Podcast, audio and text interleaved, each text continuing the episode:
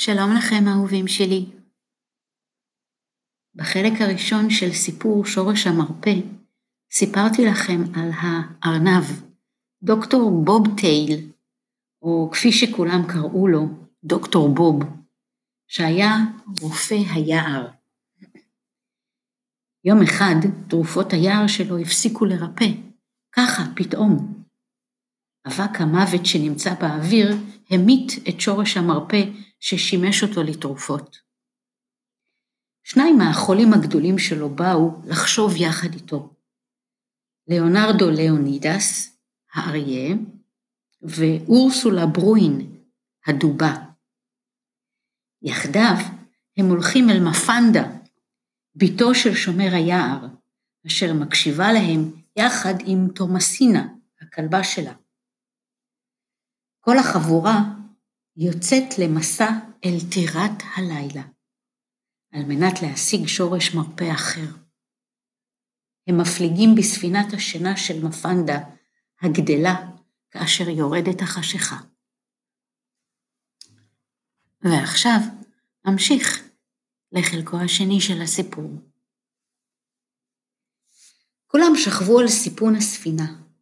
רוח קלה נשבה וניפחה את המפרש שלה, והיא הפליגה לאיטה למרחק, כשהיא מחליקה ברכות לרוחב ים הנשימות השקטות, לאורך קבעות השינה המגינות עליהם מפני הרוח, וכך אל תוך אוקיינוס השמיים הרחב. במים הכחולים והשקטים של אוקיינוס זה נחו הכוכבים, פזורים כמו איי זהב קטנים, וביניהם צף לו אי כסוף גדול יותר, הירח המלא. על חופו עמד הארנב אשר בירח, בוחש משקה של צמחי מרפא שמימיים בכף כסף שהייתה גבוהה כמוהו. בן דוד ירח, קרא דוקטור בוב, כיצד יוכל שורש המרפא להישאר בחיים על האדמה המלאה באבק המוות? עליך לשתול אותו באזוב שנלקח מבריכת מים של תחנת קמח, בן דוד בובטייל. ענה הארנב שבירח, כשהוא מערבב את המשקה המבעבע במהירות, כאילו חייו היו תלויים בכך. שמור אותו רענן עם מים שנשאבו כנגד הזרם מתוך מי נחל הזורם דרומה. הזן אותו במעדן הכוכבים הצהוב היורד מהעננים. תן לשמש לזרוח עליו, תן לארבע רוחות השמיים לנשוב עליו, והוא יישאר בחיים. ספינת השינה המשיכה לשוט בין איי הזהב אל האי שהיה ביתו של הדוב הגדול, אורסה מייג'ור. בדיוק באותו זמן הוא היה בדרכו לצאת לטיול שלו מסביב לכוכב הצפון עם הכרכרה והסוסים שלו.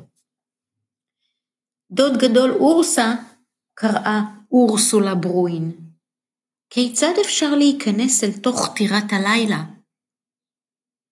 הקישי שלוש פעמים על השער החיצוני של הטירה בשוט כוכבים, אחיינית אורסולה, השיב הדוב הגדול. מוטב שתיקחי את שלי. והוא הושיט לה את שוט הכוכבים שלו. ספינת השינה עשתה את דרכה בין, בין איי הזהב אל מעגל החיות הגדול, הזודיאק.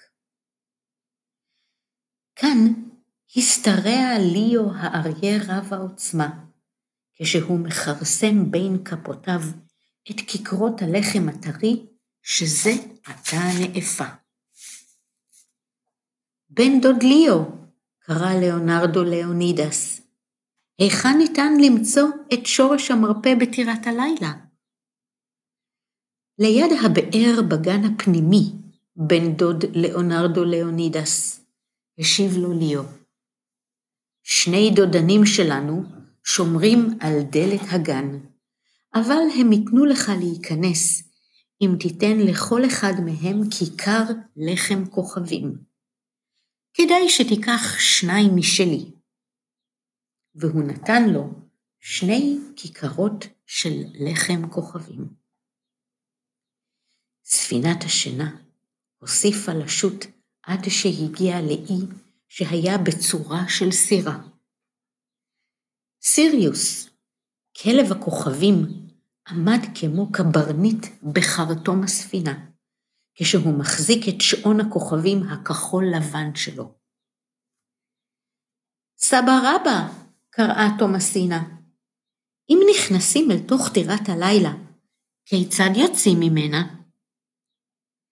צאו מהטירה לפני שיישמע הצלצול האחרון של שעת חצות, נכדתי היקרה. ענה לה סיריוס, מוטב שתיקחי את שעון הכוכבים שלי. והוא נתן לה את שעון הכוכבים שלו. הם המשיכו לשוט, ולבסוף הגיעו אל טירת הלילה. ומה קרה בטירת הלילה?